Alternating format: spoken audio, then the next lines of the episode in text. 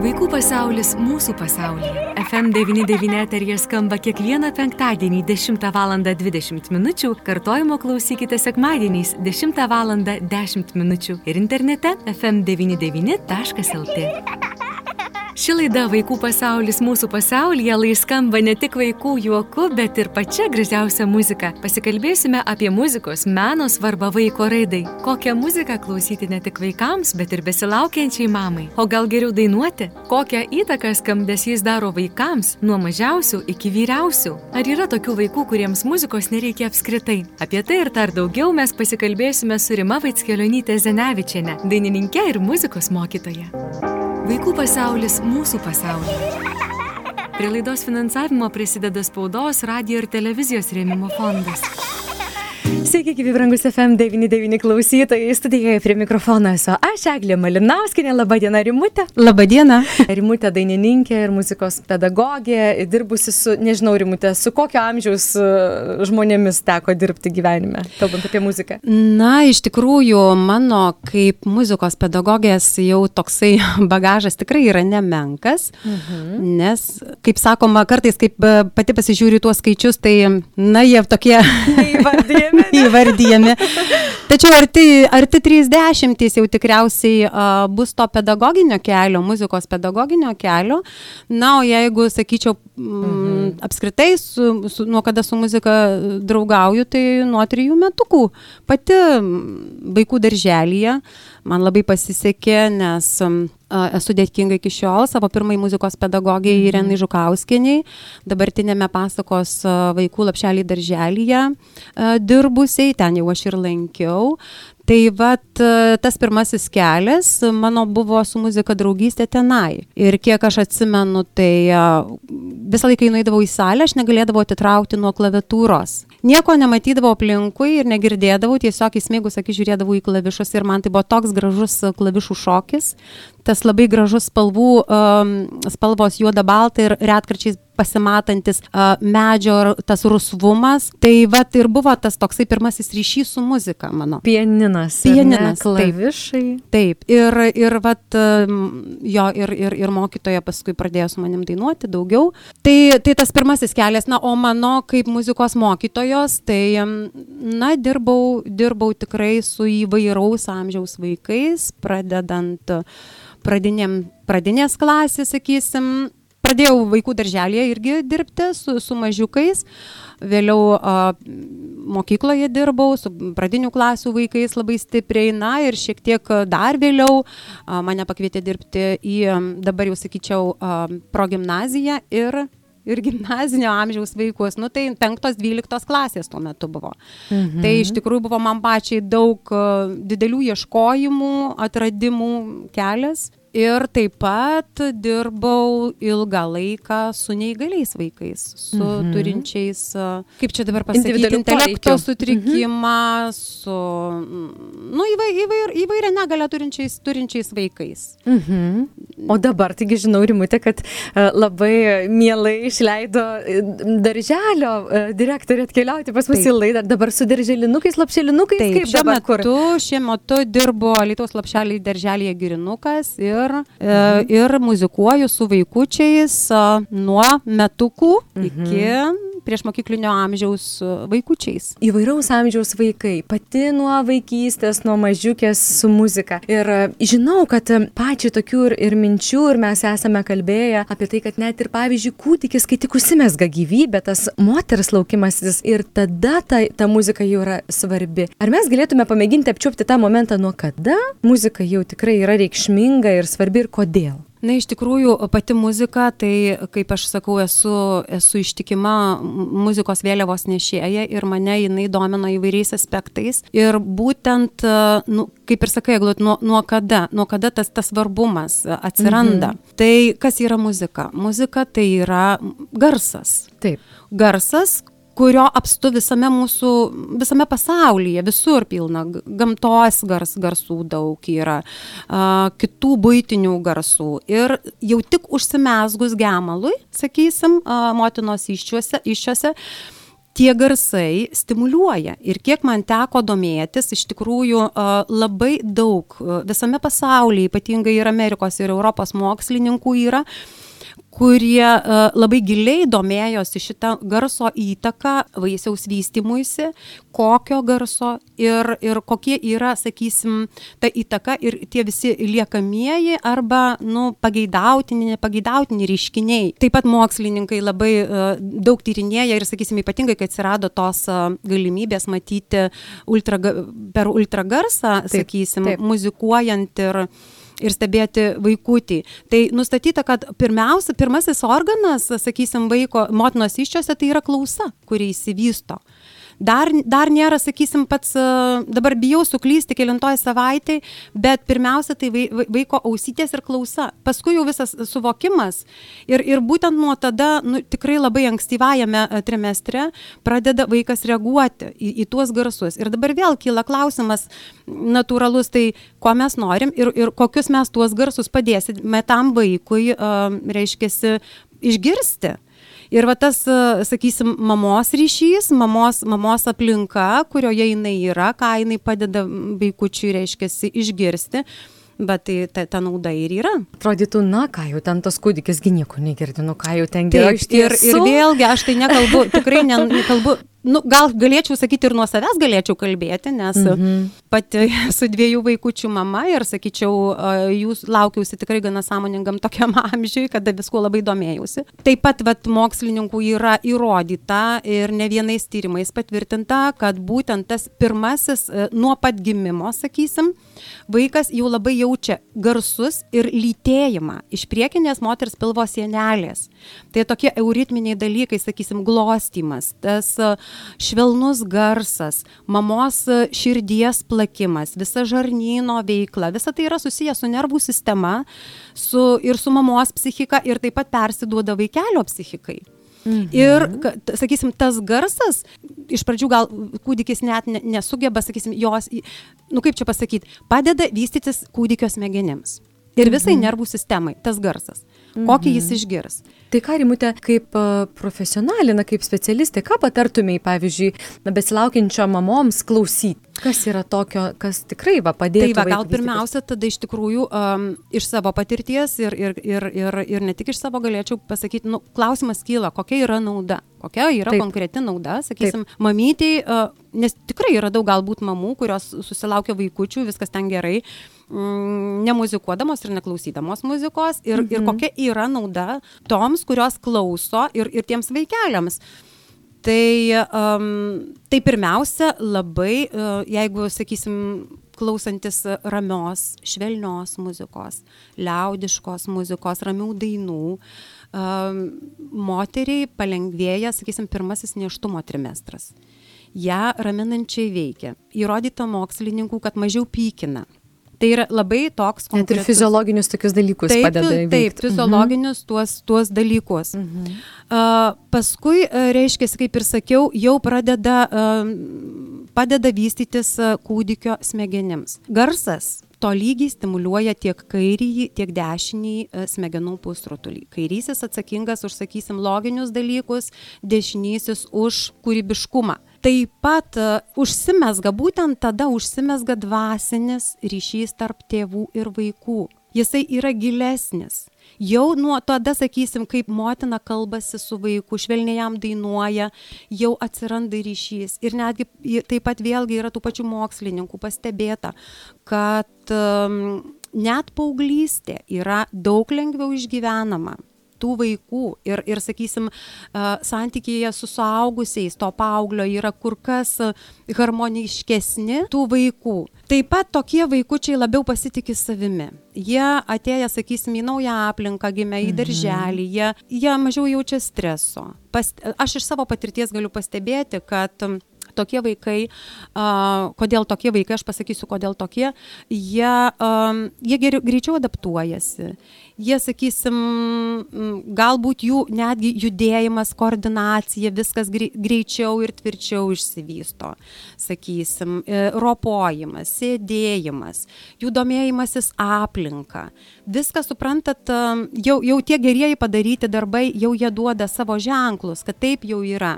Ir e, iš tikrųjų, na, aš pati esu padariusi tokių eksperimentų, kada pati laukiausi taip pat uh, labai daug niūniavau, labai daug dainavau tokių švelnių liaudiškų dainų, klausiausi ramios klasikinės muzikos ir ne tik ramios, nes kai besilaukiau sunaus, aš dirbau su 11-okais, 12-okais, kada mes klausydavomės labai daug ir įvairios klasikinės muzikos. Mhm. Na, tai žino, labai, tokios labai įdomios patirtys. Ai, tiesa, ir dar darželį, vat, kada labai stipriai susidomėjau prenataliniu muzikavimu, buvau pakvietusi mamytes, norinčias, nes pastebėjau, kad yra tokių mūsų aplinkoje, tiesiog pakviečiau vieną popietį e, savaitę ateiti ir, ir, ir padainuoti. Tų vaikučių, kurie lanko taip, darželius, besilaukiančias taip, mamytes. Taip, taip, taip, būtent. Mhm. Ir atsirado tokių, na ir mes muzikuodavom, dainuodavom, švelniai grojau kanklėmis. Ir, e, reiškia, yra specialus tam repertuaras, paprastas repertuaras su nedaug žodžių, bet labai konkrečių žodžių. Sakysim, žodžiai, kurie atskleidžia jausmus, švelnumą. Tai yra vėlgi pirmoji ir jausmų abėcėlė taip pat tarsi vaiką nuteikia į ateinantį pasaulį, kas tavęs čia laukia. Kad aš dėl, mes su tėčiu tavęs labai laukia, mes tave labai mylim, dėl tavęs jau pieno upės teka, tavęs laukia žaliuojantis medžiai ir paukščiai čiulbantis, tavęs laukia gėlės, tavęs laukia vaikučių šypsenos, tavęs laukia katinėlis ir šuniukas. Ir supranta, tie va žodžiai, tie vaikiškas tas va visas žodynas, viskas jau yra vaikui perduodama. Ir žinot, taip, bet sakysim, ir tos mamytės, jos taip, tokia tokia vos nesavotiška meditacija būdavo. Jos linguodavo, jos glostydavo, jos dainuodavo tais dainelės ir man buvo be galo smalsu pamatyti, nu su kuo čia dabar mes susipažinsime. Ir labai, va tiesiog konkrečių tokių atvejų yra, kaip eksperimentą netgi padariau, atėjo į lapšelį mažutė mergytė dviejų metukų.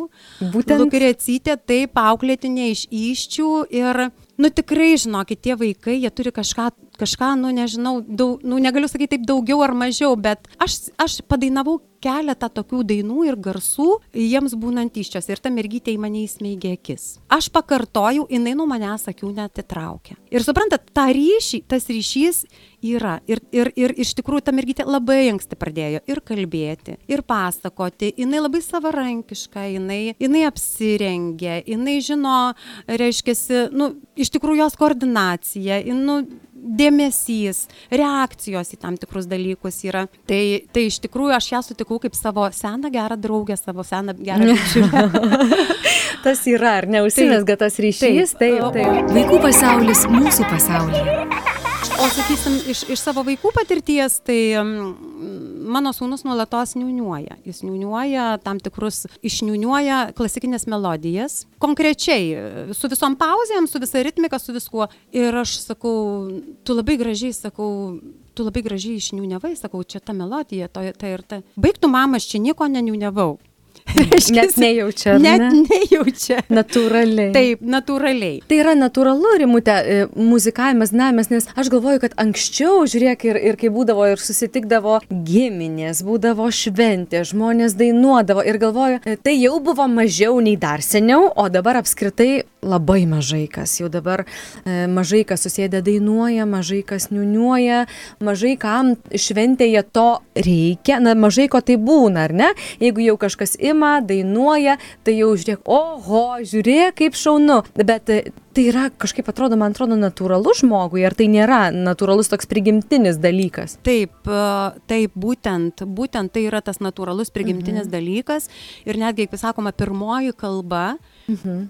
Tai yra vaiko verksmas, vėlgi garsas, jis gali būti ramus, jis tai gali būti neverbalinis. Juk, juk nėra žodžio jokio pasakyta, bet tai yra garsas ir ir motinos e, tegu nu muzikuojančios ar muzikantės ar ne muzikantės ar neturėjusios ryšių tikrai manau bent kartą gyvenime arba du yra suniūniavę tam tikrą melodiją nevalingai tam tikrus garsus norėdamos nuraminti savo vaiką savo kūdikį. O vėlgi sakysim tas ryšys tarp motinos ir ir vaiko netgi negimusi vėlgi yra daug daug eksperimentų vienas man toks yra pasirodęs labai įdomus kada a, sakysim buvo padaryta taip kad verkiantį labai sakysim netgi neramų Mhm. kūdikį norėta Mhm. nuraminti ir metronomo pagalba buvo e, reiškiasi metronomas nustatytas tokiu ritmu kaip motinos širdies dažnis toks kaip motinos e, širdies plakimas Turėtume pasakyti, kad metronomas tai yra toks aparatėlis, Taip. kuris m, e, ritmą Taip, ritmą muša. muša Mhm. taip, ir kaip sakau, uh, muzikos širdis, Taip. metronomas. Taip, taip, taip. Ir, ir kūdikis nurimo. Ir kūdikis nurimo. Reiškia, vai, ir, ir vėlgi dar kitas yra pastebėjimas. Nevalingai mama dažniausiai, e, norėdama kūdikį nuraminti, deda prie kairės pusės. Ten, kur, ten, kur yra ir, ir sakysim, mamytės netgi, kurios augina lėliukus, tai gali padaryti tikrai puikų eksperimentą, pri, priglausti kūdikį prie kairės pusės ir prie dešinės.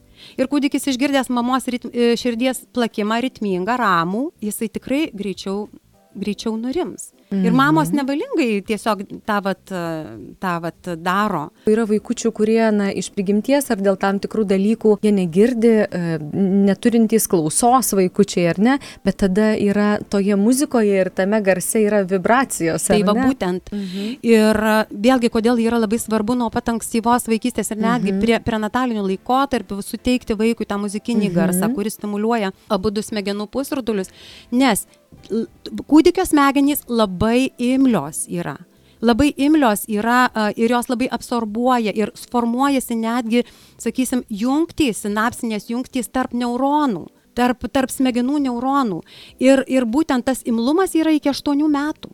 Paskui 90 jau yra, tai turim ką turim. Ta prasme, tai, tai aišku, lab geriau vėliau negu niekad, bet suprantat, jau mes tą darbą padarom, kaip sako, tas, kaip e, gerbiama pedagogė Lolita Navickienė sako, mes galime vaikui duoti aukso grinuolį nuo 0 iki, iki 8 metų. Ir jau tada vaikas turės tikrai ir, sakysim, ir tų psichologinių daugiau, daugiau tų tokių turtų Mhm. ir, ir, ir, ir, nu, mąstymo, Tai mąstymo dalykų. yra žmonių, kurie vaikus augindami nežinau, turbūt teko susidurti pačiai, man tikrai teko, kai sako, kam ta muzika, kam tos pamokos, choreografija, muzika, dailė, nu absurdas, geriau matematika, ten lietuvių, užsienio kalba ir panašiai, bet dabar paskutiniu metu ypatingai daug yra akcentuojama pandeminiu laiku, ypatingai meno reikšmė, meno prasmė ir turbūt nebereikalo ir tuose kraštuose Japonijoje, pavyzdžiui, ar ne, Taip. kur tikrai aukšto intelekto skaitosi žmonės, jie, sakykime, vaikas lygiai verčiai, lygiai grečiai yra puoselėjama jame ir muzikiniai dalykai, ir, pavyzdžiui, sportas, ar ne, be visų kitų, tai yra lygiai verčiai. Jeigu mes ir mūtė dar kalbėtume apie e, vaikus, kuriems, na, sakykime, mes jau žinome apie tą besilaukiančius moters, Taip. ar ne, etapą, kaip tai yra labai svarbu. Dabar patys mažiausi kūdikėliai iki, sakykime, darželinukai. Gal tu galėtumai patarti tai praktiškai, kas yra būtų naudinga? Žinot, kaip čia dabar pasakyti, apie prenatalinį laikotarpį mes jau, jau kalbėjom, o atsakysim, ką aš pastebiu dabar dirbdama su vaikais. Aš pastebiu labai ryškę tendenciją, kad trūksta labai vaikams apskritai kalbos įgūdžių. Kalbėjimo, kuo toliau, tuo daugiau a, matau vaikučių su, nu tiesiog, nu, jiems sunku kalbėti, jiems sunku uh, išreikšti mintį. Nu, ir žinot, kaip pasakyti, nesu aš prieš technologijas, bet, um, sakysim, galbūt per didelis laiko, laiko leidimas, sakysim, prie planšečių, prie telefonų, prie, prie, sakysim, kompiuterių, kas tai yra, tai nėra blogai, kaip vienas pedagogas irgi sakė, galim duoti vaikui planšetę, kompiuterį ir telefoną, bet žiūrėkim, ką mes ten įdedam. Tai vėlgi, tai turi būti, sakysim, muzika padeda ką? Muzika padeda vėlgi vaikui jausti saugiau. Nes kas yra garsas? Garsą vaikas gauna, ap, absorbuoja jos smegenys ir tada tam tikrą signalą pasiunčia į tas smegenis. Nu, kokį tą signalą e, gali gauti tas vaikas, jeigu, sakysim, nuolatos, e, sakysim, iš radijų arba ten jo aplinkoje skamba kažkokia, nu, tikrai, nu, nekokybiška muzika, nu, Taip, jos visokios yra. Tai ką tas vaikas gali suvokti? Ir vėlgi, ką jis tada gali ištransliuoti. Tai, tai, tai va, tai, nu, tai kokia ta muzika, aišku, skonio reikalas. Nu, besąlygiškai etno muzika. Sakysim, didelis lobynas yra sakysim, tautosakos, smulkios tautosakos, kur yra nesudėtingi garsai. E, Paprastos melodijos, absoliučiai paprastos, ten, sakysim, trijų garsų melodijos. Linksmi tekstukai, garsažodžiai, kuriuos vaikai mėgsta, kartoja ir, ir žinot, kokie vaikai yra imlūs. Jie, jiems nėra negražių dalykų, ta prasme, ką tu jiems, kaip, kaip jau gal paaugliai sakys, ai, tai ką čia liaudiška muzika. Pas mažiukus to nėra, jiems yra linksma, jie ploja, jie stimuliuoja per delniukus savo, sakysim, vėlgi visus tuos centrus, mhm. jie natūraliai ritmuoja ir jie, jiems padeda atsiskleisti kalbai ir muzikai, bendravimui, socializacijai. Suprantat, vis, visa tai, žaidžiam liaudiškus žaidimus, jų, jau sakysim, vėlgi ir plečiasi vaizdiniai, jų, jie, jie klausia tam tikrų, ką, o ką reiškia tai, o ką reiškia tai, ir, ir bet, bet tas yra labai svarbu. Ir man yra tekę girdėti, kad netgi muzika dainavimu konkrečiai galima padėti žmogui, kuris turi kalbos defektą, sakykime, mikčiojimą. Taip. Taip, e, ir dabar niekaip negaliu atsiminti, prieš kokius 5-6 metus esu kalbinusi garsų muzikantą ir neatsimenu ką, bet jis paskui sako, aš labai stipriai mikčiojau. Kalba išėjo, o kaip e, žmogus atėjo į muziką, mama pradėjo duoti dainuoti daineles, pradėjo dainuoti ir su dainavimu jis ir, ir iki šiol turi nedidelį būtent šį kalbos defektą, bet jie abu su seserim turi šį defektą, sesuo visiškai nemuzikuoja, pas ją jisai labai ryškus suaugus, o pas jį jis faktiškai beveik visiškai išnykęs, nes e, su dainavimu kažkaip ir kvepavimas susidėlioja, ir žodžius lengviau išmokti. Tiesiog vaikas natūraliai dainuodamas e, išmoksta net ir kalbos dalykų daug, ar ne? Taip, Eglut, va, tu ir pati paminėjai iš tikrųjų, um, kad nu, tas dainavimas tai nėra, kaip čia pasakyti, nėra, nėra tik tai kažkokio, nu, sakysim, pramoginio daly, pramoginis tas dalykas. Nu, aš tai vėl visą laiką grįžtu į tuos pamatinius dalykus. Tai yra dainavimas, tai yra kvėpavimas. Reiškia, harmonizuojamas yra, nu, tavo nervų nervų sistema vaiko, vėlgi ar ne, vis masažuojami yra visau, kvepuojant, masažuojami visi vidaus organai yra. Vėlgi, Nepamirškime, kad vaikai natūraliai kvepuoja dar į pilvą, ko saugusiems reikia mokytis. Diafragminis kvepavimas, taip. taip. Mhm. Ir, ir žodžiu, nu tai viskas eina per, per psichofizinius dalykus tuos. Dainavimas tai yra psichinis, psichofizinis dalykas. Viskas eina per, per, per nervų sistemą ir per smegenų centrus. Ir, ir žinau, tikrai labai daug žinau logopedų, kurie dirba, jų metodika yra dirbti dainavimu vaikas atsipalaiduoja. Jūs pažiūrėkit, e, vėlgi žmonės, kurie dainuoja, um, sakysim, suaugę žmonės, kurie dainuoja liaudės ar ten, sakysim, kitokiuose kolektyvuose, nebūtinai liaudės, muzikuoja, dainuoja, šoka pagaliau klausydami muziką. Tai irgi yra muzikavimas, šokis ar ne? Taip, žinoma, kūno, žinoma, kūno, kūno taip, muzikavimas. Taip. Jie mažiau serga psichologiniam lygom. Jie, jie, jie išleidžia viską, jie, jie, sakysim, visus neigiamus dalykus, jie išsivaduoja iš šitų dalykų. Tai yra dvasiniai dalykai. Ir, ir, ir vat, dėl ko paminėjot, kad e, mikčiojimą gydo. Taip, ir mano, mano, ir mano patirtyje buvo tokių, tokių dalykų, kai, kai, sakysim, vaikai turintys kalbos e, sutrikimus ir jie iš, iš to išsivaduoja ir lavinamas visa dikcija. Sakysim, kalbos, sakysim, ypatingai su vaikais, tai jiem tu turi sukurti pasakojimą. Uh, ten nesvarbu tų siužetų pilna visokių ir, ir jūros gyvenimas, ir, ir miško gyvenimas, ir, mm. ir sakysim, jie, jie įsivaizduoja ir, ir jie ne, nevalingai kartoja, kaip skrenda paukštis, taip. kaip burbuliuoja šimtakojas, ar ten, sakysim, kaip žuvytė plaukia ir, ir taip toliau, jie nevalingai atkartoja ir jau jie įdarbina savo kalbos padargus. Ir tai jau yra, ir, ir tai jau yra jiems labai didžiulė, didžiulė nauda. Limutė, kiek yra svarbu vaiką kreipti į profesionalų, sakykime, kelią, kaip tu matai tą situaciją, ar svarbiau yra pats muzikavimas, pati muzika, ar jeigu jau pradedi, tai jau, žodžiu. E, matot, pirmiausia, aš tai, aš tai sakyčiau, kad e, savo kokį pirmiausia uždavinį aš keliu, mhm. kaip muzikos mokytoja, su be, be, begalė patirčių įvairių, mhm. ir geresnių, ir, ir netokių sėkmingesnių. Mhm. Aš padariau savo išvadą, kad pirmiausia, aš turiu vaikus išmokyti mylėti muziką. Be meilės nieko nėra, nieko nesudominsi. Ir žinot, nu kaip ne visi gali būti sportininkai, ne visi gali būti muzikai, ne visi gali būti matematikai, ne, bet e, sakysim, jeigu vaikas tiesiog myli garsą gerą, myli muziką, jis nuo to laimingesnis pats bus, tai pirmiausia. O jeigu yra, tu pastebi, kad vaikas nulinkęs į tai, nu tai valio, aš visada tik tai už, bet, bet tik už kokybišką vaiko, vaiko ūkdymą, vaiko lavinimą. Ir tu stebinu, kaip kiekvienas žmogus, taip ir vaikas yra unikalus ir kiek jam to reikia. Na, sakysim, matot, profesionalas muzikantas, pedagogas, jis turi labai daug žinių ir metodikų čia yra jo pranašumas, jis gali vieną, vieną sakysim, diferencijuoti, vienam vaikui pasiūlyti tą, kitam vaikui pasiūlyti tą, vienam vaikui mokytis per, per judesį, kitam vaikui per, per, per klausą, nes aš pati taip pat esu dirbusi Alitaus muzikos mokykloje solfedžio mokytoje ir ateidavo puikūs vaikai, muzikantai, sakysim, instrumentalistai, grojantys muikeliu ar akordeonu ar pianinu ir puikiai valdantys instrumentus. Bet kai reikia solfedžio pratimą padainuoti, jie neįtonuoja, bet jie muzikuoja. Ir tada aš suprantu, kad pas juos yra ta vidinė klausa. Ir jie džiaugiasi muzikuodami. Tai matot, kokių yra skirtingų. Ir be abejo, kryptingai dirbant, kryptingai reiškia neforsuojant, Nes jeigu užverši vien tik tai, sakysim, nu... Teorija, ne. Taip, ir, ir, tai, ir, tai ne, bet -hmm. nu, viskam yra, yra žaismė, yra, yra begalės metodikų. -hmm. ir, ir, ir va būtent dėl ko aš sakau, kad tas profesionalus kelias, tai nereiškia, kad vaikas, jei mokosi mo muzikos mokykloje, jis bus profesionalas. Ne, jis gauna kokybiškai profesionalų ugdymą. Ar ten, mhm. sakysim, kitos yra, sakysim, muzikinio ugdymo įstaigos ar meninio ugdymo įstaigos, ten, sakysim, ar, ar, ar šokis.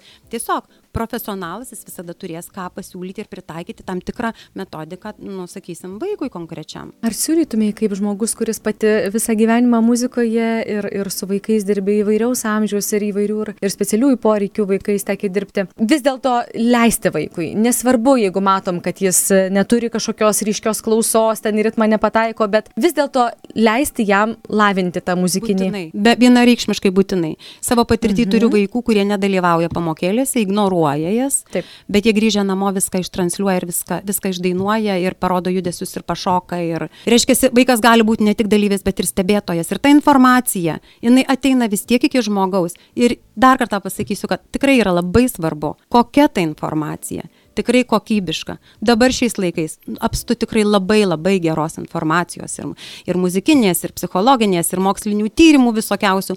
Tiesiog atsirinkime, konsultuokime su profesionalais ir dovanokime savo vaikams visą tai, kas yra geriausia, nes tai gali nulemti jų ateitį, jų gyvenimą. Ačiū Rimutė, kaip nuostabiai pabaigiai mūsų laidą.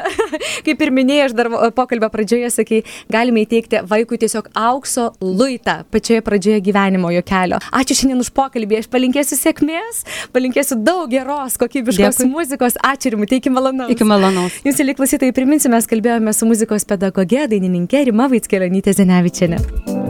Vaikų pasaulis mūsų pasaulyje. Prie laidos finansavimo prisideda spaudos, radio ir televizijos rėmimo fondas.